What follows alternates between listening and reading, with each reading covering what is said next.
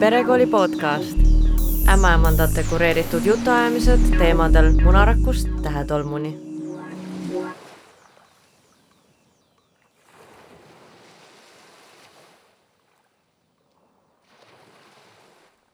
tere, armsad kuulajad, mina olen Sofi, olen ämmaemand.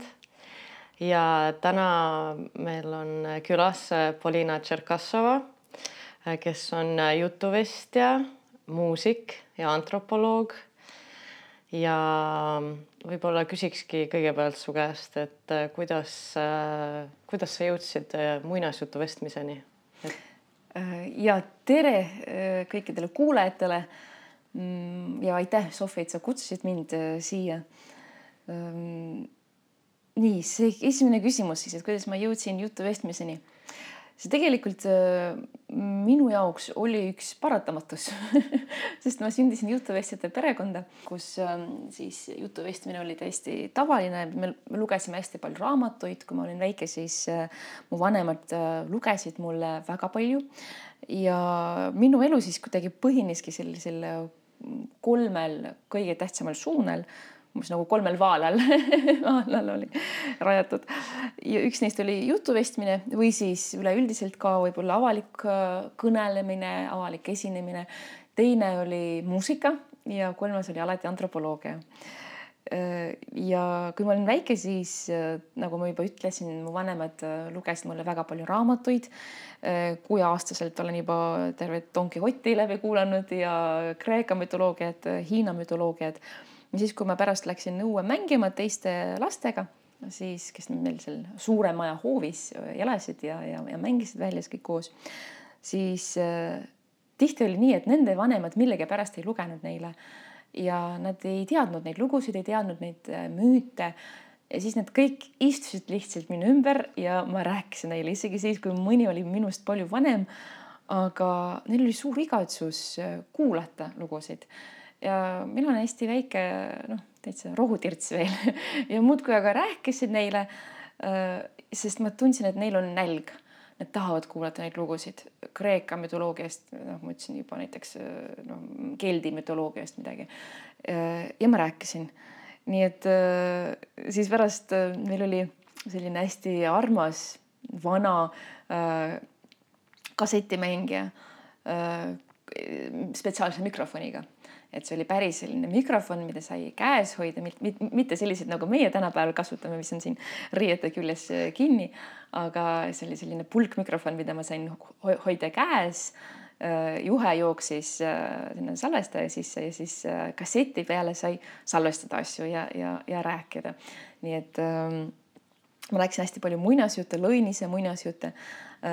ja ühel hetkel ma avastasin ka, et olin seotud teatriga esinemistega, kuna mu vanemad töötavad äh, Vene teatris ja võib öelda, et ma kasvasin üles äh, selle eesriie taga ja, ja, ja lava taga. Ähm, nii et selline esinemine, rääkimine, teistele mm, jutustamine oli minu, minu jaoks kuidagi hästi tähtis osa minu elust.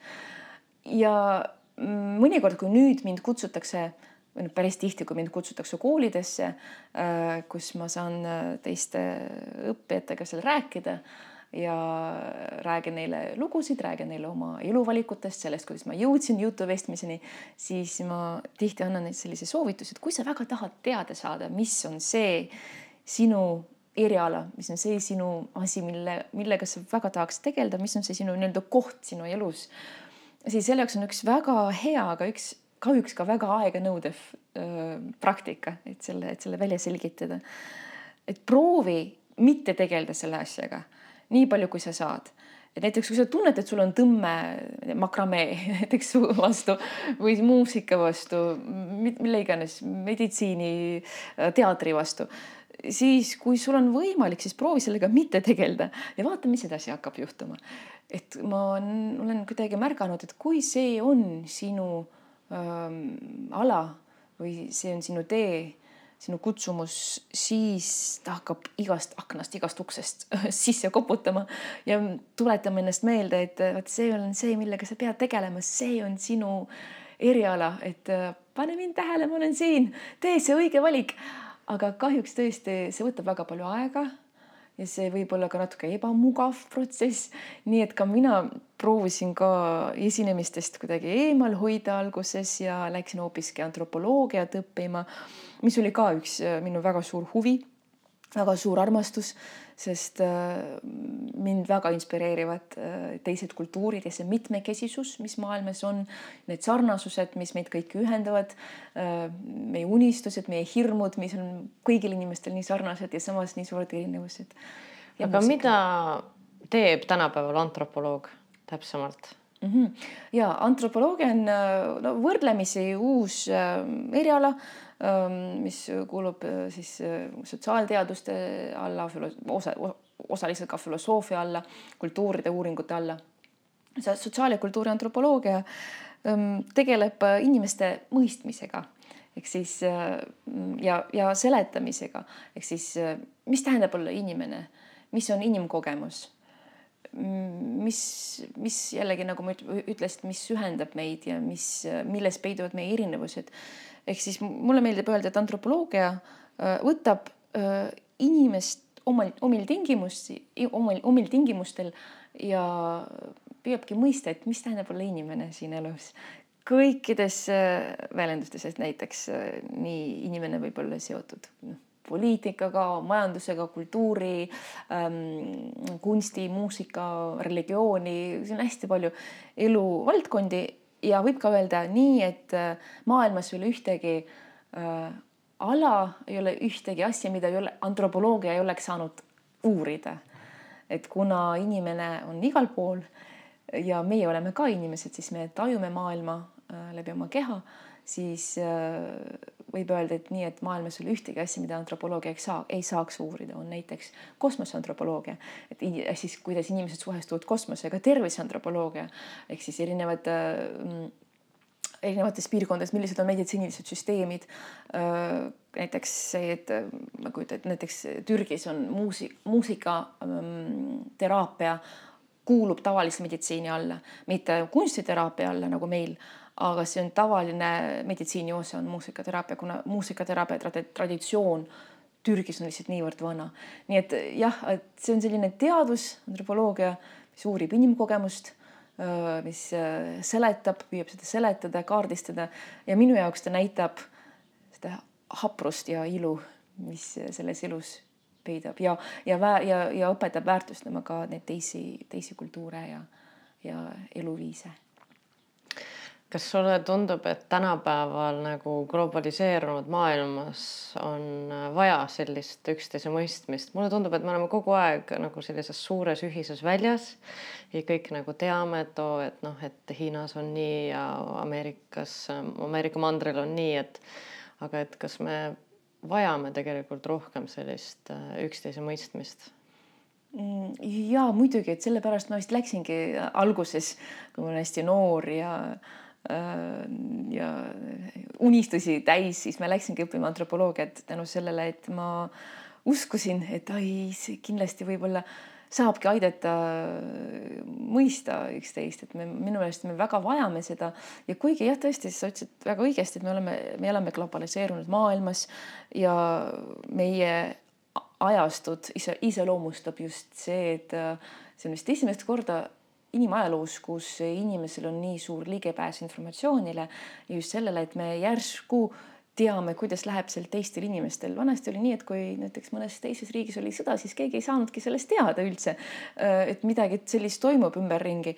inimesed teadsid pigem neid asju, mis toimuvad nende külas järgmises külas ja kaugem, no natukene kaugemas külas ka.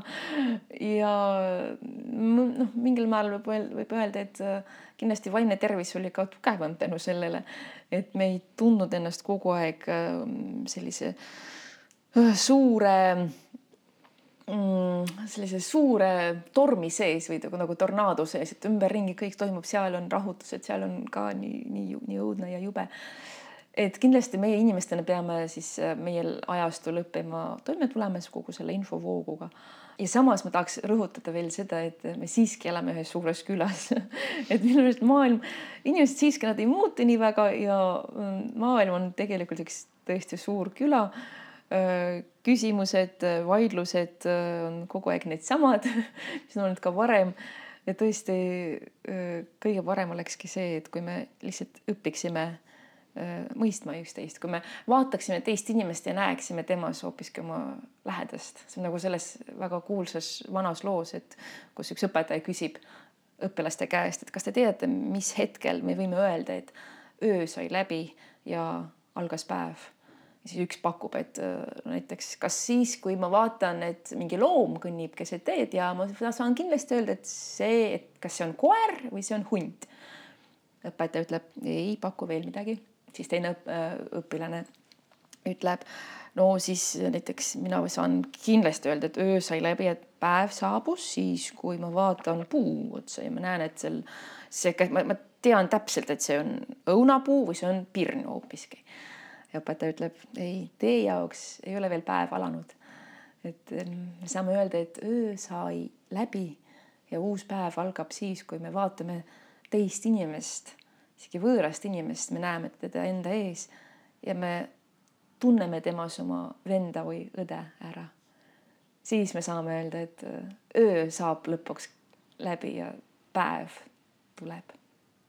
see on hästi sügav ja minu jaoks hästi inspireeriv lugu mõistmises, et kuidas võiks kohelda teisi inimesi enda ümber, kuidas võiks äh, minu arust äh, olla ja elada, et teised inimesed on, on tegelikult ka, on ka päriselt meie vennad ja õed. Ehm, eriti need, kes elavad kohe meie lähedal, naabrid kellega tihti võib juhtuda, et suhted ei ole nii head, aga just need ongi meie õed ja vennad, keda me võiksime tunda. kas sul endal on õdesid-vendi? see on hästi hea küsimus sul mul endal ei ole kahjuks, äh, et äh, ja ma olin ainus laps peres. no nii see, see juhtus lihtsalt ja ähm, ja kindlasti ma olen ka ise igatsenud seda, et mul oleksid vennad ja õed ja võib-olla tänu sellele mul tekkiski ka selline suurem vajadus äh, mm, tunda sellist äh, sidet teiste inimestega neid. sellepärast võib-olla olidki seal hoovis ja rääkisid äh, edasi muinasjutte oma naabri, naabrilastele. Ja kindlasti võib-olla jah, tõesti, et ma võin kohe kindlusega öelda, et see, et ma olin ainuke laps peres, et see väga turgutas minu kujutlusvõimet ja fantaasiat, kuna ma tihti olen üksi ja mul tihti oli igav ja siis, kui lapsel on igav, siis ta hakkab ise välja mõtlema asju ja öö, looma asju, et öö, mulle väga meeldis äh, asju välja mõelda, kirja panna ja mängida nii, et mu mängud olid nagu lavastused. Et äh, ma olin nagu lavastaja, kes siis mängib erinevaid süžeesid, stsenaariume ja ja tänu sellele ma sain vist paremini pihta sellele, kuidas meie kujutlusvõime toim-, toimib. ja näiteks nüüd, kui ma annan jutuvestmise koolitusi, mida tihti mm, tellivad ka näiteks erinevad kollektiivid, teatrikollektiivid, õpetajate kollektiivid, mm, täiskasvanud inimesed, siis äh, ma räägin ja annan erinevaid harjutusi äh, sel teemal, et kuidas panna meie kujutlusvõime tööle ja kuidas kasutada kujutlusvõimet kui, kui taju, kui kombimismeelt siin elus sest äh, minu jaoks äh, meie kujutlusvõimes peidub nii palju vastuseid nendele tähtsatele küsimustele meie sees. ja mõned praktikad, mõned lihtsad harjutused, harjutused aitavad meil jõuda nende, nende vastusteni, mida kujutlusvõime kogu aeg tahab meile justkui anda või soovitada. see on nagu selline sügav töö oma intuitsiooni ja loovusega ja et äh, kujutlusvõime on tõesti üks äge asi ja ma mm -hmm. ka suhestun, sest ka mina olin äh, üksik laps ja samamoodi äh, ühtviisi ma olin hästi nagu enda ema laps, eks ole, et ma olin hästi tugevalt hoidsin tast kinni ja ja aga samas ikkagi oli ka see nagu oma mingi fantaasiamaailm ja et, et ma täiesti mm -hmm. saan sellest aru, sellest üksiklapse nagu võlust ja valust mm. -hmm. ja õige, just õige. ja ma tahtsingi võib-olla küsida, et ähm, et kas sul on, nüüd on sul ka tütar, eks ole? ja ja millal sa hakkasid temale siis muinasjutte vestma, kas juba kõhus? ja siis, kui ta oli juba mul ja üsas ja siis ta, siis ma rääkisin juba talle lugusid. ta käis minuga kaasas kõikidel kontsertidel kuna ma mängin erinevaid pille ja mul on väga palju muusikainstrumente, siis ma sain teada, millised hääled, millised helid meeldivad talle kõige rohkem. Äh, talle väga meeldis torupill, kui ma torupilli mängisin. See on hästi, mul on ka veel eriti valjuhäälne torupill, üks Hispaania torupill Gaita Galega ja ta on sellise mõnusa võiduga häälega, et päris toas seda ei hakka mängima, aga mm, siis, kui tütar oli mul kõhus, siis ma ikkagi mängisin seda pilli kontserditel ja väljas. ja iga kord, kui ma seda mängisin, siis ma tundsin, kuidas tütar hakkab tantsima seal sees ja talle nii väga meeldis ja iga kord, iga kord tunnis, tundis ära just selle pilli häält ja mm, ja tõepoolest, et mu tütar andis mulle väga palju inspiratsiooni kõige võib-olla noh, huvitavam osa sellest loost on, mis veel võib-olla ka teiste laps, lastevanematele võib-olla huvitav, on see, et ma olen hästi tänulik oma tütrele, sest siis, kui ta sündis, ta kingis mulle väga suure king-, andis, noh, tegi mulle väga suure kingituse, ta kingis mulle aega. ja ma ei ole varem kunagi niiviisi kogenud äh, aja väärtust, kui siis, kui tema sündis. ühelt poolt mul üldse ei olnud aega, sest äh, mul noh, nii-öelda need esimesed kuud ei olnud kõige lihtsamad, meil oli kogu selline rõõmude komplekt, olid äh, kõhu natuke väiksed hädad ja, ja lapse koolikud ja nii, et me olime äh, tihti kodus temaga ja ja siis äh, tütar magas ka natuke vähe äh, päeval, nii et äh, mul praktiliselt oli hästi vähe aega. aga samas ma hakkasin seda nii väga väärtustama ja hakkasin kasutama oma aega palju ähm, produktiivsemalt kui kunagi varem. et kui mul oli pool tundi, siis ma jõudsin selle, selle aja jooksul teha palju rohkem, kui ma olen kunagi varem jõudnud. ja teine asi on see, et kui ma kärutasin teda äh, siis ma lõin hästi palju muinasjutte, kirjutasin muusikat. tihti mul ei olnud kaasas äh, noodipaberit ja siis ma lihtsalt äh, ümisesin mõne viisi oma telefoni diktofoni sisse. ja siis pärast äh, see või teine või kolmas lugu, mis sündis niiviisi käruga jalutades, jõudis ka minu mm, plaadile, minu, minu heliraamatusse. ja muidugi see, et mul lõppude lõpuks oli aega puhata teistest äh, kohustustest, kuna äh, ma õpetasin sotsiaal- ja kultuuriantropoloogiat täiskohaga Tallinna Ülikoolis, tähendab poole, poole kohaga Tallinna Ülikoolis, aga see tundus nagu oleks täiskoht nii palju öö, äh, tööd ja, ja vastutust oli, oli hästi palju kontserte. Ja nii et jah, tütre sünd äh, kingis mulle aega, et mul oli järsku aasta aega, kui ma sain lihtsalt olla ja kuulata iseennast, äh, olla jah, rohkem ühenduses sellega, mida siis mina päris äh, teha tahan. ja pärast minu tütre sündi, siis ma hakkasingi salvestama audioraamatuid. ja nüüd on neid kolm, tähendab neli, juba neli, mis tulid välja ja jah, et siis avastasin sellist uut žanri enda jaoks aga ma tahtsin veel uurida selle aja kohta, et see on hästi nagu klassikaline selline noh, mis ma olen kuulnud, eks ole, et et aega ei ole, eks ole, et kui sa saad lapsevanemaks, siis äh, sul ei ole lihtsalt aega, sa oledki magamata, eks ole, ja aga see sinu lugu on selline, et sa leidsid nagu sellest äh, nagu positiivse mm, -hmm. et sa, et kas see tuli kohe või sul läks natukene aega, et ikkagi harjuda selle ema rolliga ja kus, mis hetkel sa tundsid, et aa, et et okei okay,, et äh, nüüd ma nagu leidsin mingi tasakaalu ja et see on, et elu on ilus mm. ja no mm -hmm. ma võib-olla võin siin rääkida nii, et äh, Mm, ma üldse ei oodanud, ma üldse ei kujutanudki ette, mis mind ees ootab kuigi ma käisin perekoolis ja siis ma valmistusin äh, sünnituseks ja mul oli väga ilus sünnitus, äh, mis on loomulik ja see oli tõesti väga-väga äh, hea kogemus ühe ämmaemandaga ja mis oli hästi kuidagi no kuidagi looduslähedane, mulle tundub, ma isegi nii öelda, see oli lihtsalt väga ilus ja ma, ma väga, ma olen hästi tänulik selle eest, et mul oli selline kogemus aga siis, mis edasi selles sai, siis ma olin, ma tundsin, et ma olen natuke üksi, et äh, ma ei, ma ei olnud selleks nii väga valmis et äh, mulle tundus, et see sünnitus oli vaid üks selline hetk, kus loodusjõud, jõud teevad kõike ise, keha teeb tegelikult kõike ise, lihtsalt on vaja luua selliseid äh, väga mm, head keskkonda, sobivat keskkonda, mis on nii tähtis. Aga see, mis edasi saab, vot see on nüüd algab täiesti elu, uus elu, mida ma ei oodanud, keegi ei rääkinud mulle, mida teha siis ja siis ja siis. Äh, ja et ühelt poolt loomulikult ma ei taha mingeid selliseid illusioone siin äh, seada, et see oli täiesti tavaline, ma arvan, nii nagu ta nii paljudel teistel emadel.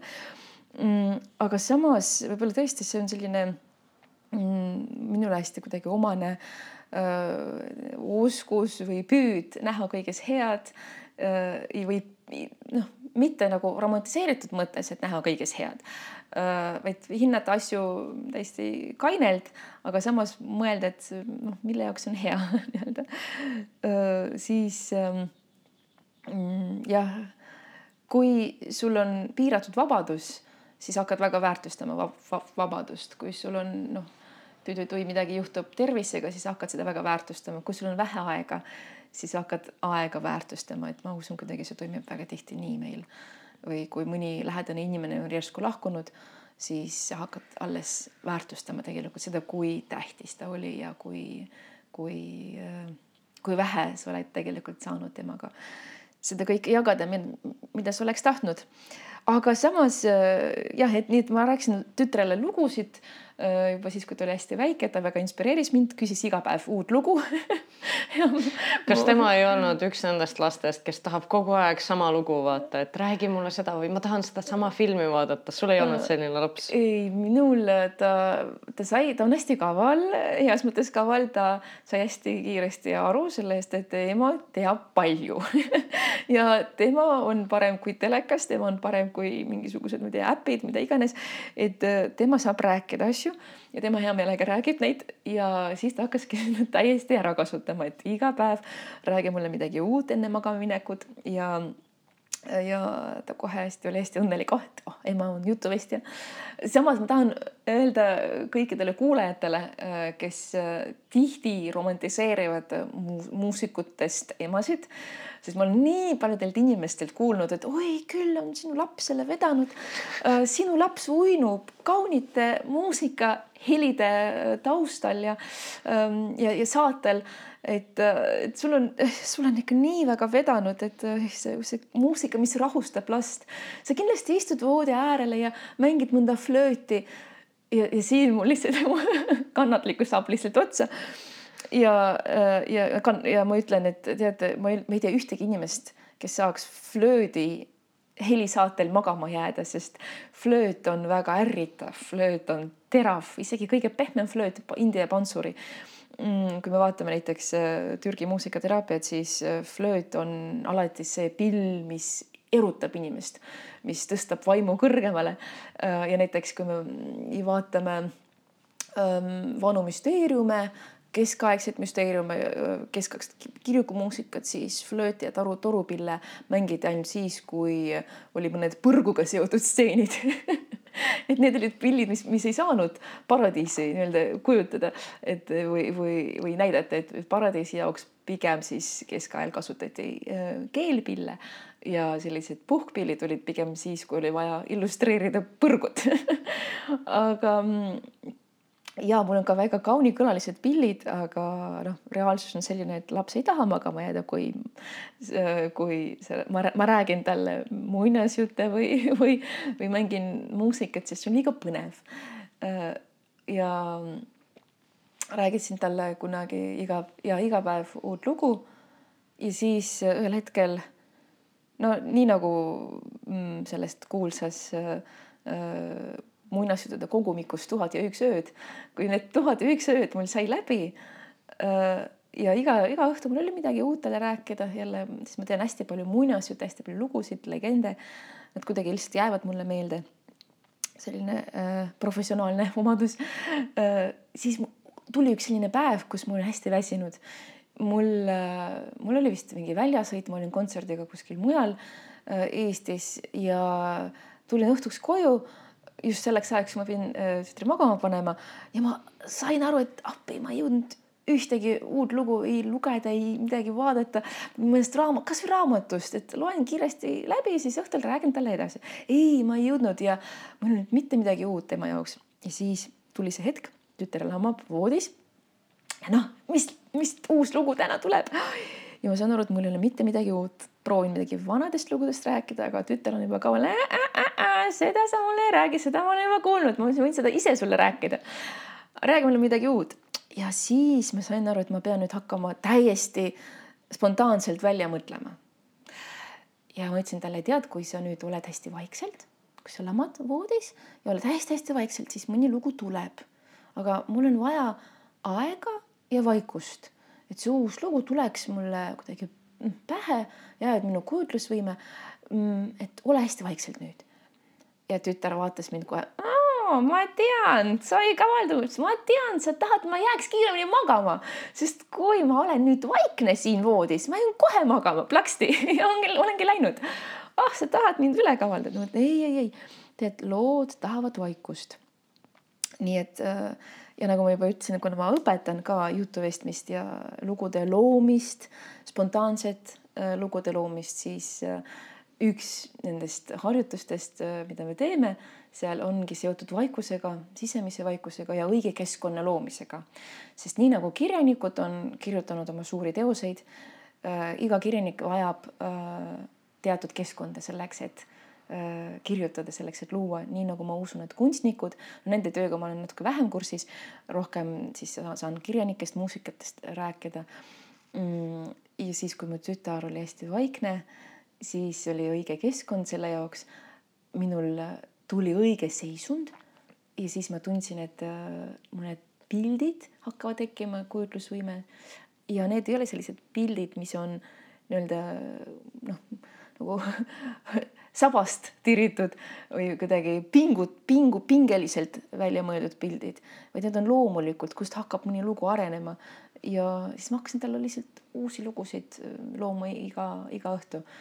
Äh, mis on sellised, mis on sügavad, ka õpetlikud, põnevad, ilusad, kirjeldavad ja mm, nii et jah, et mu tütar õpetas mulle väga palju. Aga kas need on sellised lood, mis jäävad sulle meelde või need on sellised, mis nii-öelda tulevad ja lähevad? ei, need ikka jäävad meelde. Ja et kui mul oleks natuke nüüd rohkem aega ja püsivusi, ma oleks saanud neid kindlasti ka avaldada mõnes raamatus, aga eks ma arvan, selle jaoks tuleb oma aeg. Et praegu ma tegelen rohkem äh, äh, kontserditega ja siis heliraamatute salvestusega, kuna heliraamatutes minu jaoks ühinevad need kaks sellist, tegelikult needsamad kolm peamist eriala minu elus ehk siis jutuvestmine, muusika, kuna ma ise kirjutan muusikat nende jaoks ja mõnikord minu käest küsitakse, et kuule, et mis ansambel sul seal taustal mängib keda sa kutsusid seal nagu viis inimest? ei, need on kaks kätt lihtsalt. Need lood on seal, kõik need heliraamatud on salvestatud stuudios, kus on võimalik siis kiht-kihi haaval salvestada ja, ja äh, tundub nagu seal mängiks mõni ansambel ja kolmas on äh, kultuuride uurimine. et ma alati iga muinasjutu jaoks ma loon seda õiget kõla Äh, mis on siis inspireeritud selle konkreetse rahva, rahvamuusikast, nende elustiilist, nendest väärtustest, äh, mis on tähtsad nende elus, noh, mida ma tunnen. Ähm, ja jah, et sellised äh, suured, väga aega nõu-, nõudvad tegevused, et kunagi võib-olla jõuan ka selleni, et panen kõik need lood kirja, mida ma praegu tütrele räägin, et kas tuleb oma aeg selle jaoks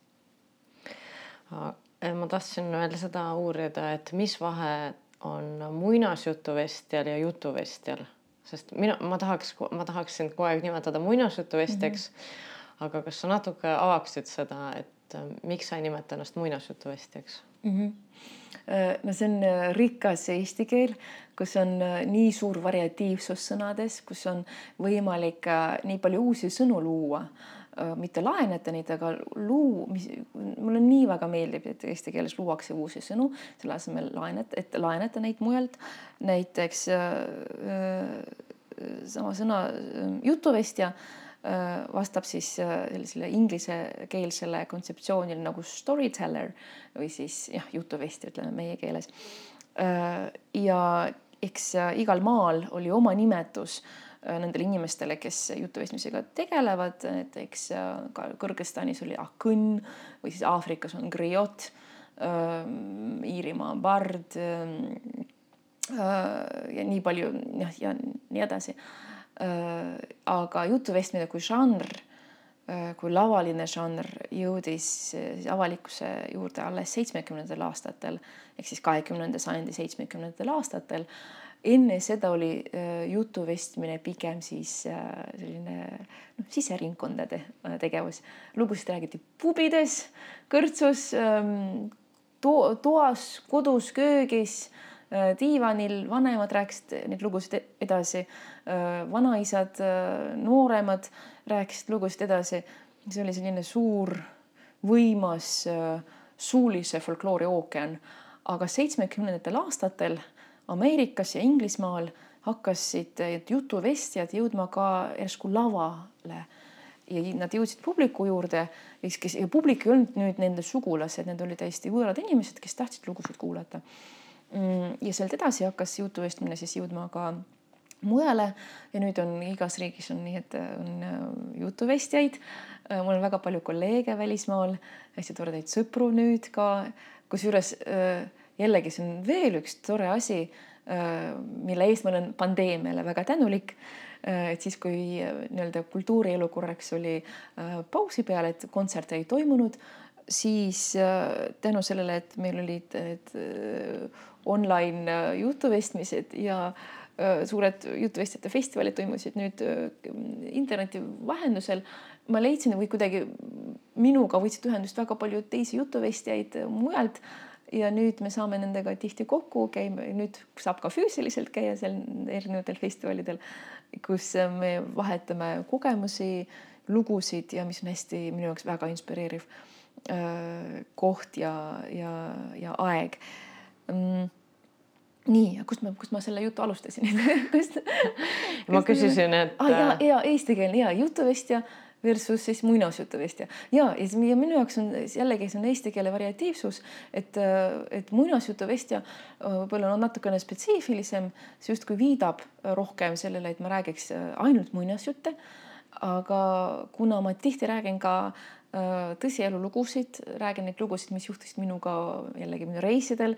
Äh, nii nagu ka sina oled väga suur äh, nii-öelda reisiv inimene ja sa oled nii palju reisinud.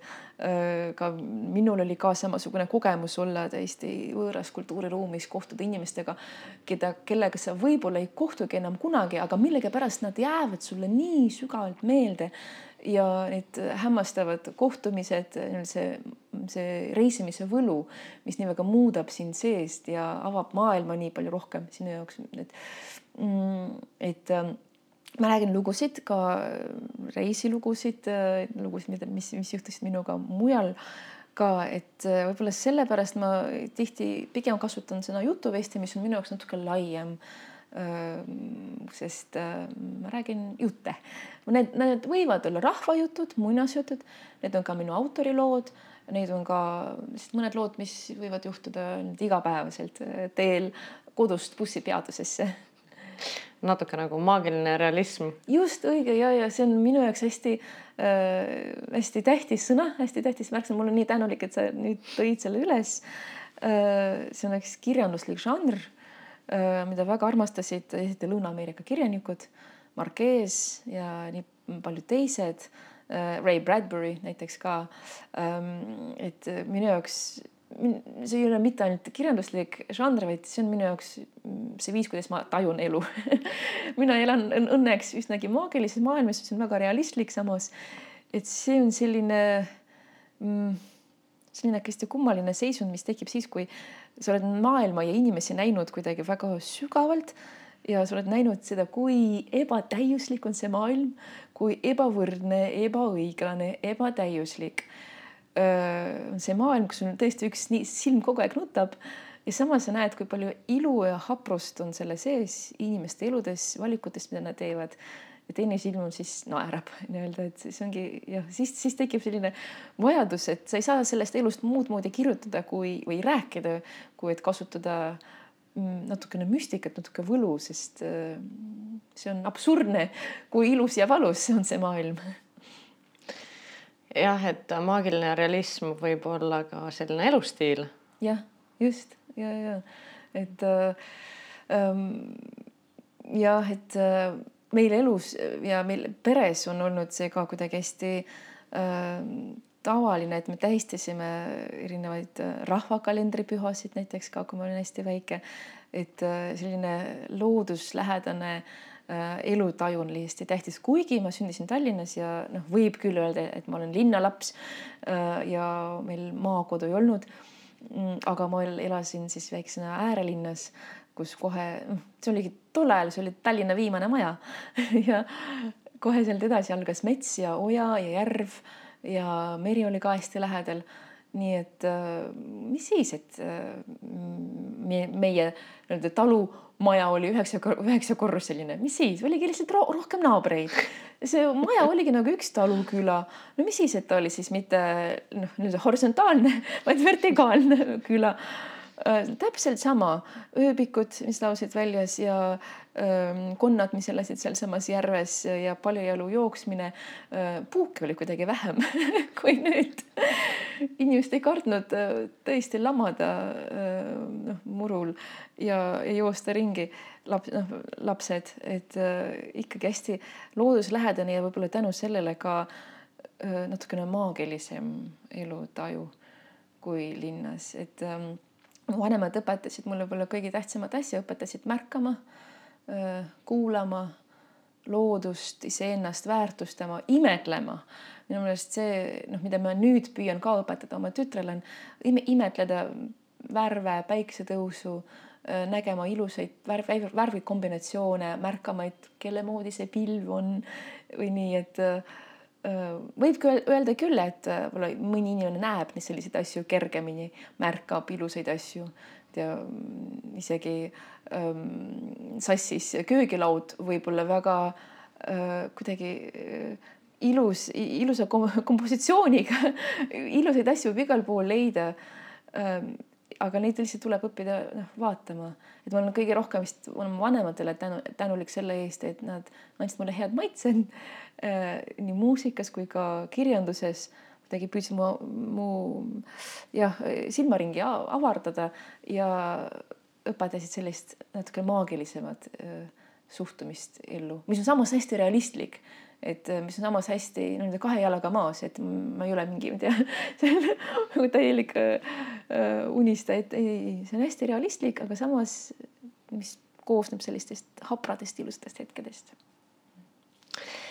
ma tahaks küsida, et kas sul oleks äh, paar nippi ka tänapäeva lapsevanematele, et kust võiks alustada seda jutuvestmist, et kas mõni raamat, Äh, mida sa soovitad või et jah, et võib-olla jah, et paar, paar sinu sellist raamatusoovitust mm. ja millal üldse võiks alustada juttude lugemist lastele mm.?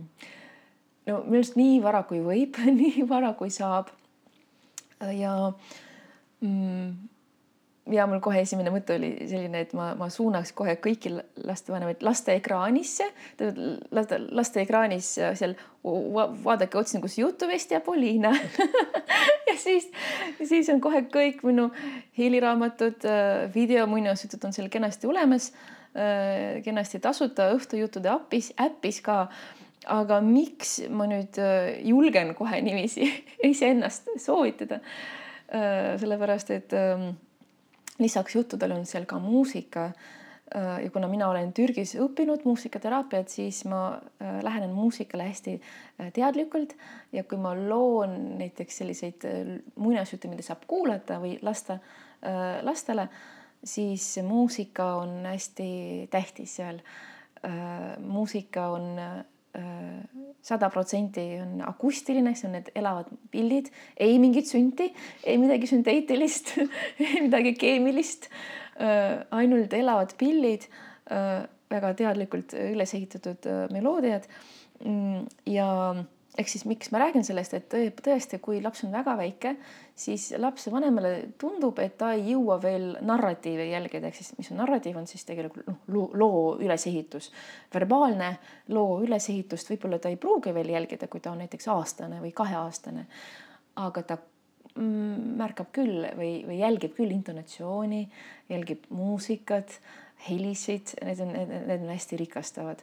Ehm, ja nii et üks asi, et äh, minu heliraamatut väga soovitan kohe julgen niiviisi rääkida, et kõik on äh, äh, nii-öelda inimkatseid läbinud juba aastaid ähm,. kõik toimib väga hästi äh,. aga nüüd siis soovitus lastevanematele äh,, kes tahaksid äh, ise lugusid rääkida, et alustage lihtsalt lugemisest ja nii palju, kui on võimalik, võtke see aeg, olge lapsega koos Äh, ja võtke muinasjuturaamatud äh, riiulist. ma näiteks, kuna ma olen väga hästi muinasjuttudega kursis, mul on väga suur raamatukogu kodus, äh, kus on erinevates keeltes rahvajutud ähm, ja ma tean, et ma ei julge kõiki neid lugeda kohe ette, et ma alguses loen neid lugusid ise ja siis ma valin, mida ma saan tütrele lugeda ja mida ma ei tahaks talle näiteks e-, e-, esitada, kui ta oli hästi väike.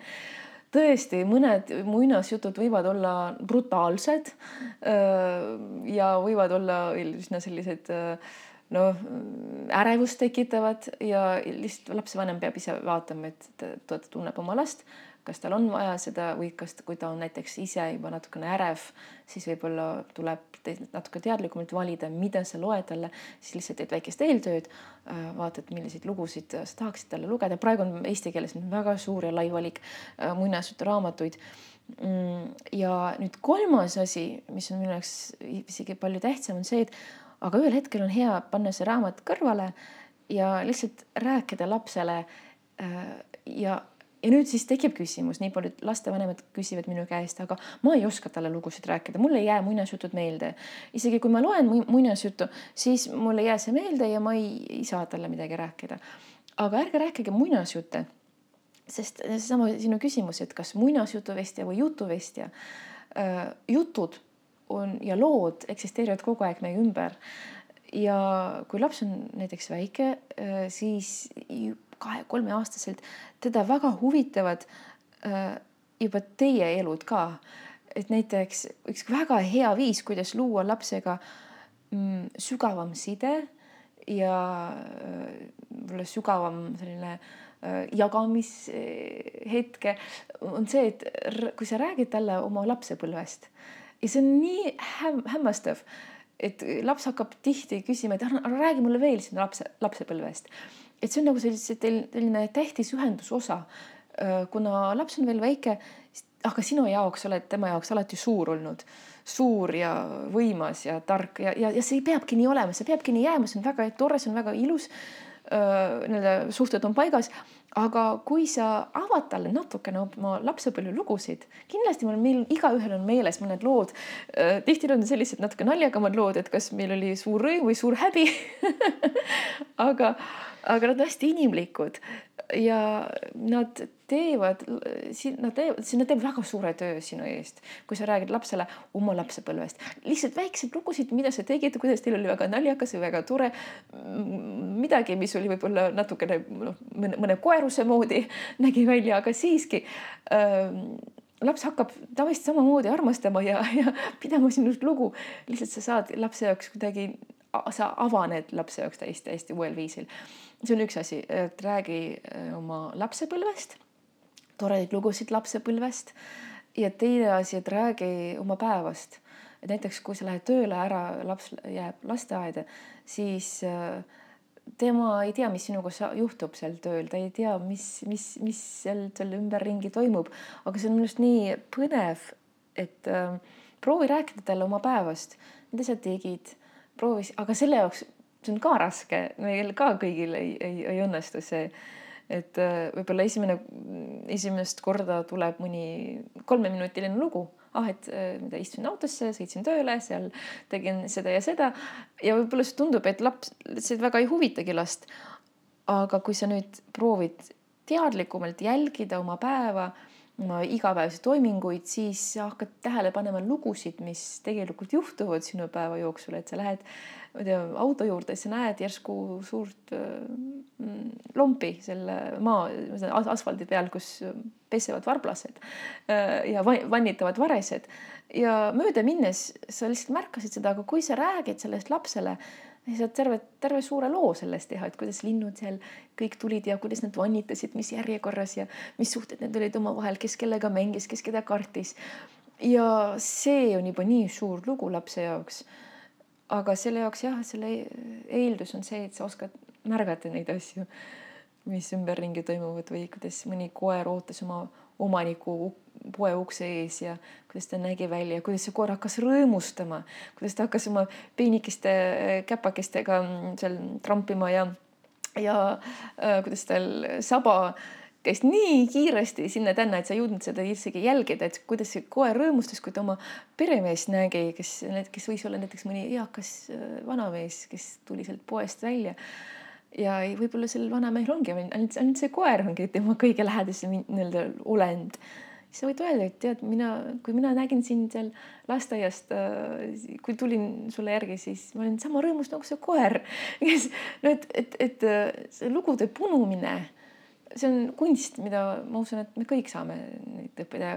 lastevanemad peakski olema need kõige, kõige suuremad jutuvestjad oma lastele, sest kui sa tahad, et las laps kuulaks sinu lugusid, aga mitte neid lugusid, mida näiteks räägib talle, ma ei tea, mõni äh, tädi seal mm, siin või seal või mõni onu, et äh, mis võivad olla lood, millega see naise naise ei ole, ei ole, ei pruugi olla nõus, siis äh, sa pead olema ise tema jaoks hea jutuvestja ja hea, hea lugude jutustaja selleks, et laps usuks sinu lugusid ja, ja, ja ähm, tahaks ka sinu elust osa saada ja oleks ka selleks kuidagi rohkem vaimustuses ja ühenduses. ühenduses ja, ja, ja, ja siis võite, võite koos temaga lugusid luua, nii palju, et see on hästi pikk jutt. ja, ja, ja. Um, no väga armsad äh, nõuanded um,. Um, aga kes on sinu iidolid, kes inspireerivad sind sellel teekonnal? no ma võib-olla kohe äh, tahaksin siin pisut pettumust valmistada, et mul ei ole iidoleid ja kui ma mõtlen ka nii, siis mul ei ole, mul ei ole väga eeskujusid ka ausalt öeldes. ja miks see tuleb võib-olla ka jällegi sellest, et äh, kuna ma olen saanud läbi elu hästi kuidagi läbi tunnetada inimolemust siis ma ei, ma, ma ei vaimustu nii kergelt sest ma olen näinud seda või kuidagi tean seda, et äh, vaimustuse, mida suurem vaimustus on, seda suuremaks võib olla pärast pettumine. ja see juhtub nii tihti ja minu arust on üks selline elulõks, millesse me kõik paratamatult äh, satume et mida rohkem me oleme vaimustuses äh, mõnest inimesest, mõnest ideest, mõnest eluviisist, noh, mida iganes, kontseptsioonist äh, või jah, siis seda suurem võib olla see kukkumine pärast sealt. ja ma kuidagi teadlikult olen äh, võib-olla jah, proovinud mitte luua iseenda jaoks iidoleid sest see võib olla tõesti väga valus. Mm, mida suurem vaimustus, seda suurem pettumus pärast. ja nagunii kõik need inimesed kes võivad olla meie õpetajad, keda me, meil võib-olla me tahaksime nimetada eeskujuks. Nad on ka piiratud on oma inimkogemuses, nad ka, nad ka, nad on kaugel ideaalist. ma ei usu, et on keegi ideaalset siin maailmas, keda mina saaksin iidoliks või eeskujuks äh, nimetada, et iidoleid meil kindlasti ei ole. eeskujusid ka vist isegi mitte mulle meeldib äh, mm, võtta inimesi sellistena, nagu nad on Nad võivad olla väga ilusad, nad võivad olla väga ägedad, inspireerivad, aga samas ma tean, et neid on, neil on nii täpselt ka mul on terve hunt, terve, terve hulk teisi asju, mis ei ole võib-olla nii ilusad või nii ideaalsed, et ei ole siin kedagi sellist äh, sellest, kes oleks nagu viimistletud, võib-olla see tuleb mul ka tänu sellele, et ma sündisin ja õnneks kasvasin ilma äh, selles maailmas, kus ei olnud veel neid influencer eid ja mõjutajaid ja, ja kogu seda sotsiaalmeediat, kus on ilusad pildid kõigist äh,. Ei, ei tea, aga igal juhul jah, et äh, jah, mul on selline elufilosoofia on see, et ära loo endale iidoleid no eeskujusid eeskujusid ka vist väga ei ole. no, no ma võin lihtsalt öelda, et jah, jah, ma olen näiteks oma isale väga tänulik. Äh, et äh, tema vist, kui me rääkisime sellisest müstilisest realismist, siis ma tundsin, et äh, tema on kuidagi nii omapärane inimene, nii suure südamega. natuke nagu teisest maailmast inimene, ta on ka näitleja. ja terve elu on pühendunud teatrile ja ta on hästi mm, selline, noh, ta on selline, selline inimene, kes on õpetanud mulle õige varakult, et me elame küll sellises realistlikus füüsilises maailmas, aga mitte kõiki asju ei saa silmadega näha. ja et selles maailmas on palju rohkem seda, mida me ei näe silmadega, aga mis mõjutab meid. et ka meie näiteks meie emotsioonid, meie tujud võib-olla ka lihtsalt mingisugused nähtamatud sellised lained, kuhu me satume, see on ka osa nähtamatust maailmast. see on sama, sama asi, et ähm, ühe kuulsa kirurgi käest küsiti, et, et noh, et äh, te olete nii palju operatsioone teinud, et kas te oskate, et äh, kas siis, ma ei tea, kas siis mingi looja või jumal on ikka olemas. Äh, ja see kirurg ütles, et on küll olemas siis tema käest küsida, aga kuidas on võimalik, et me ei ole teda kunagi silmadega näinud. me oleme nagu reaalses maailmas, et noh, kui me ei ole teda näinud, siis no ju siis teda ei ole olemas. aga see kirurg ütles, teate, ma olen teinud nii palju ajuoperatsioone, ma olen näinud nii palju ajusid, aga ma ei ole kor kordagi mõistust näinud. See ei tähenda, et mõistust ei ole olemas. Et mind ennast väga inspireerib äh, selline maailm, kus on veel midagi, mida me silmaga ei näe. Äh, emotsioonid, mõistus, äh, intuitsioon, mingid kohataju, et näiteks mõnes kohas sul on hea ja oli hea olla, mõnes kohas, mõnes kohas tahad kiiresti ära minna. Muusikal on mõju, mõni, mõni muusika inspireerib, mõni muusika, noh jällegi selline tunne, tahaks kõrvu kinni panna. kunst, vaatad mõnda kunstiteost, sa tunned, et oh, see kuidagi tõstab sind ja sa saad natuke paremaks inimeseks, see transformeerib sind sa vaatad mõnda muud, kunstiteost ja selline tunne, et tahad, tahad pärast käsi minna pesta või silmi. aga siis noh, silmad on meil nii habrad ja nii nii-öelda, nii-öelda mm, nii kaitsetud. Saime, saime kinni, saame jah, ja nagu me, me ei saa kuidagi mitte näha seda, mida me oleme näinud Unseen inglise keeles on selline hästi kena väljend. kui me näeme seda, me ei saa seda nii-öelda kuidagi lahti või mitte näha, kui me oleme noh, miskit juba näinud. et see jääb siis meiega.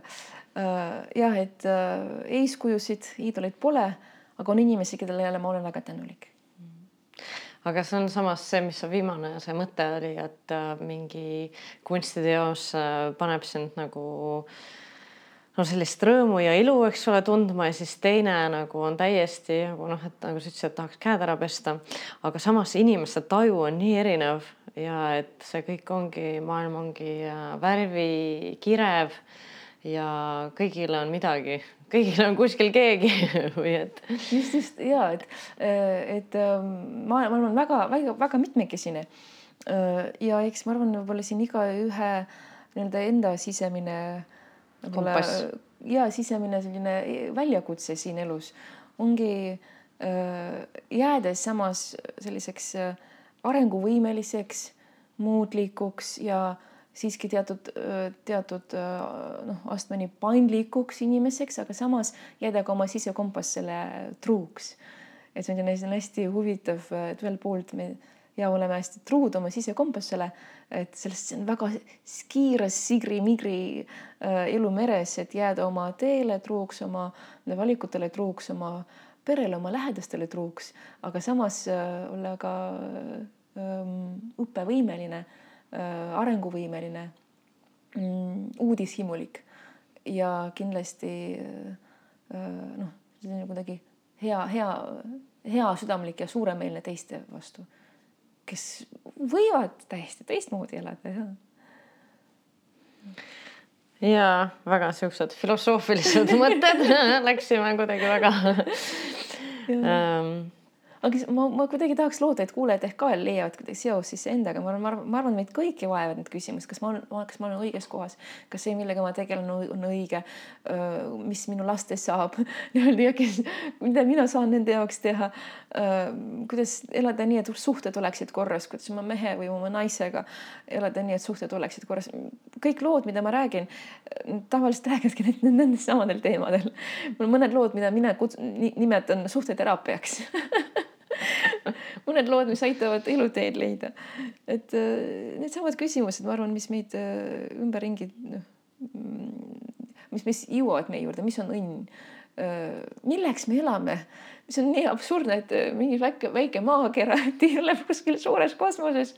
nii pisike ja siin on nii palju inimesi, nii palju keeli, kultuure ja me siin teeme midagi, iga päev käime tööl, teenime raha, aga mille jaoks? Need on, need on sellised tõesti sügavad suured küsimused, aga, aga no minu arust jutuvõist ei saa nii, ei saa teistmoodi, kui ta ei püüa nagu mõtiskleda selle kõige üle ja panna konteksti neid lugusid, mis sündisid äh, sadu aastaid tagasi. meie kaasaegset maailma.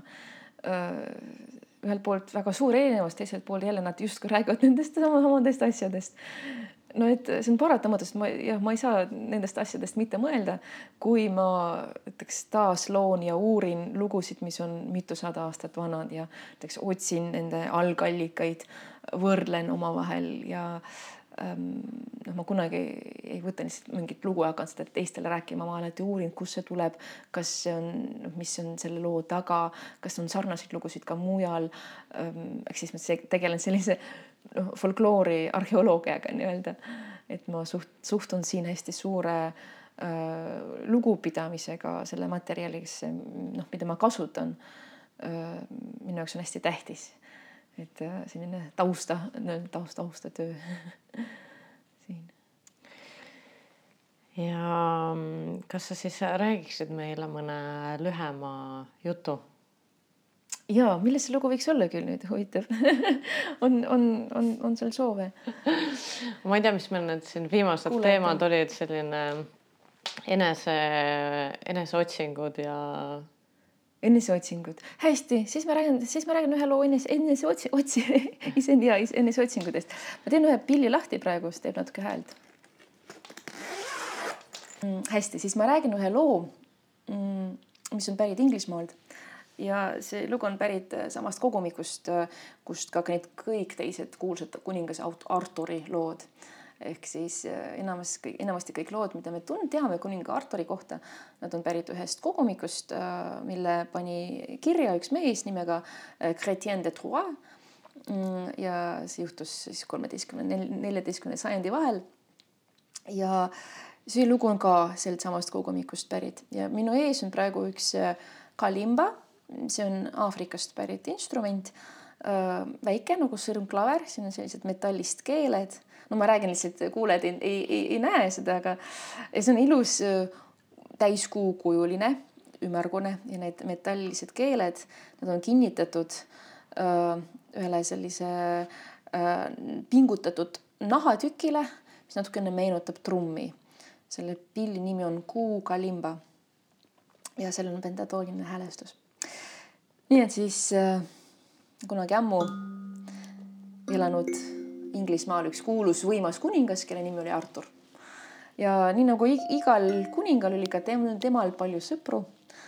ja üks tema sõber oli noor rüütel, kelle nimi oli Persifal. ja Persifalil oli hästi kummaline unistus. ta tahtis leida püha graali ma arvan, et paljud on kuulnud sellist väljendit nagu püha graal, see on mingi müütiline legendaarne anum. see mingi anum, mis sisaldab kõiki su unistusi. sellest räägiti nii keldid kui ka äh, kristlikus äh, filosoofias ka olemas lugu pühast graalist, mingi müütiline fantastiline anum ja kui sa leiad selle siis kõik su unistused lähevad täide. sa leiad oma tee, sa saad soovida kõike, ta täidab kõik su unistused ja mis kõige tähtsam, maailmasse satub, maailmasse tuleb õnn. küllus, rahu ja noh, kuldne ajastu algab siis, kui keegi leiab püha graali ja Perseval tahtis selle leida ja siis ta asu, asus pikale retkele, käis kaugetes kohtades, aga probleem oli selles, et ta ei teadnud, kuidas see püha graal näeb välja. mõni rääkis, et see on selline kuldne peeker, mis on kaunistatud vääriskividega. mõned rääkisid, et see on väiksem hõbedane peeker teised rääkisid, ei, see on nagu hoopiski üks äh, puidust kauss, sest äh, Jeesus, kes seda püha kraali kasutas kunagi, oli vaene ja siis ju siis tema kööginõud olid ka puidust ja lihtsad. keegi rääkis, et see on savikann. aga Persefal üks, oli üks eelis ta teadis, et kui sa leiad püha kraali, oma unistuste unistuse, siis sa pead küsima tema käest ühe küsimuse. see on nagu parool pead küsima ühe õige küsimuse. nii et Persifal otsis ja ei leidnud ja kolm aastat käis Hiinas, käis Indias, käis Eestis, ei leidnud mitte kuskil, ei olnud ühtegi asja, mis sarnases vähemalt äh, Püha Graaliga. ja siis ta peatub ühe järve ääres ja mm, puhkab natukene, jääbki magama kiiresti ja kui ta ärkab üles, vaatab, et järve teisele kaldale on üleöö tekkinud kaunis loss, ikka elevandiluust ja hõbedast ja kullast ja üks paat liigub vaikselt tema juurde ise. Persifal astub paati ja paat vaikselt, aeglaselt liigub selle lossi poole, peatub no Persifal, noor, julge rüütel läheb kiiresti sellest suurest trepist üles. uksed lähevad iseenesest tema ees lahti, kaunis loss, punane samet, kuldsed kujud. ta vaatab, et inimesed, ilusad, noored mehed, naised, kõigil on kaunid riided seljas, kõik tervitavad teda, et Persefal, me oleme sind nii kaua oodanud. Nad juhatavad teda suurde saali, seal on laud kaetud. ja nad istuvad, hakkavad pidutsema. Nagu vanad sõbrad, pidutsevad, joovad, söövad ja järsku selle peo käigus astub saali üks neiu kaunis neiu, pikad hõbedased juuksed ja sellel neiul on mingi asi käes, mis kogu aeg muudab oma välimust. vaatad ühel hetkel, see on kuldne peeker, vaatad järgmisel hetkel, see on hõbedane väiksem peeker, siis pilgutad silmi ja see on juba puidust kauss. Persefal saab aru, et see on, see on see, see on püha kraal, tema unistuste unistus. ja nüüd, nüüd on see hetk, kui Persefal peab tegema suu lahti ja küsima ühe asja, ta teab, mis on õige küsimus, see on nagu parool, ta teab, mis on õige küsimus. Ja Persephone teeb oma suu lahti, tahab küsida. järsku heliseb tema peas raudne hääl, tema isa hääl. poiss, ära kunagi küsi rumalaid küsimusi. poiss, eriti siis, kui sa oled teiste inimestega koos võõrat, võõraste inimestega koos, mida nad küll võivad sinust arvata, poiss. ja Persifal teab, et ta nüüd peab küsima. Nei-, neiu selle ilusa anumaga, püha kraaliga liigub aina kaugemale ja kaugemale, varsti läheb sellest saalist välja. Persifal tahab küsida, aga isa sõnad kumisevad tal peas. poiss, ära kunagi küsi rumalaid küsimusi Perseval ei küsi, ei julge, ei küsi. neiu kaob. no kuidagi pidu läheb igavamaks. inimesed juba ei söö, ei joo kuidagi, no hakkavad, juhatavad Persevali kiiresti sealt lossist välja, noh et noh, aitab küll. ja panevad ukse kinni ja Perseval jääb lossi seal välja, astub paati ja see paat liigub vaikselt tagasi teisele kaldale ja vaevalt jõuab Persefal paadist välja astuda vaatab, aga ei ole enam. Ei lossi ega ka paati. nii et tal oli üks võimalus elus, üks ainus võimalus elus puudutada püha graali, saada püha graal kätte. aga ta ei kasutanud seda. ja kummaline asi on see, et kõikidest nende kuningas Arturi lugudest on see ainuke lugu, mis on lõpetamata. kõik teised lood lõpetas Chrétien de Troyes ühel kindlal viisil, et nüüd on lõpp, punkt The end nii-öelda äh, lõpp. aga see on üks lugu, mis jäi tal lõpetamata, ainus lugu kogu kogumikust. Ja ma arvan, et see on äh, meelega nii, sest lugu meie unistustest ei saa kunagi lõppeda. aga ma arvan ka, et kuulajad võib-olla tahaksid teada, mis on see küsimus kindlasti tahaksid. järsku nad leiavad ka oma püha graali. ja ma täiesti usun seda, et mõni kuulaja on kindlasti leidnud oma püha graali, mõne on alles otsingul, mõne kindlasti leiab veel oma püha graali. Et räägime ma räägin nii, et siis, kui teie leiate oma püha graali, et te teate, et vot see, see on sinu püha graal, see on sinu unistuste unistus, siis küsi vaid ühe asja tema käest küsi tema käest, keda sa teenid. ja kui see on sinu püha graal, siis ta peab sulle vastama sind. vaata, me kasvasime, kasvasime üles sellises ühiskonnas, kus meile alati õpetati seda, et, et sa pead hullult pingutama, ohverdama kõike selleks, et oma unistusi saavutada. muudkui aega pressima, push ima, ma ei tea, teiste arvelt, kuidas iganes, sa pead väga palju rabelema. aga kui see on sinu tee, kui see on sinu õige kraal, siis töötab hoopiski teises suunas. Sinu unistused peavad sind teenima ja sinu õiged unistused hakkavadki sind teenima mitte vastupidi.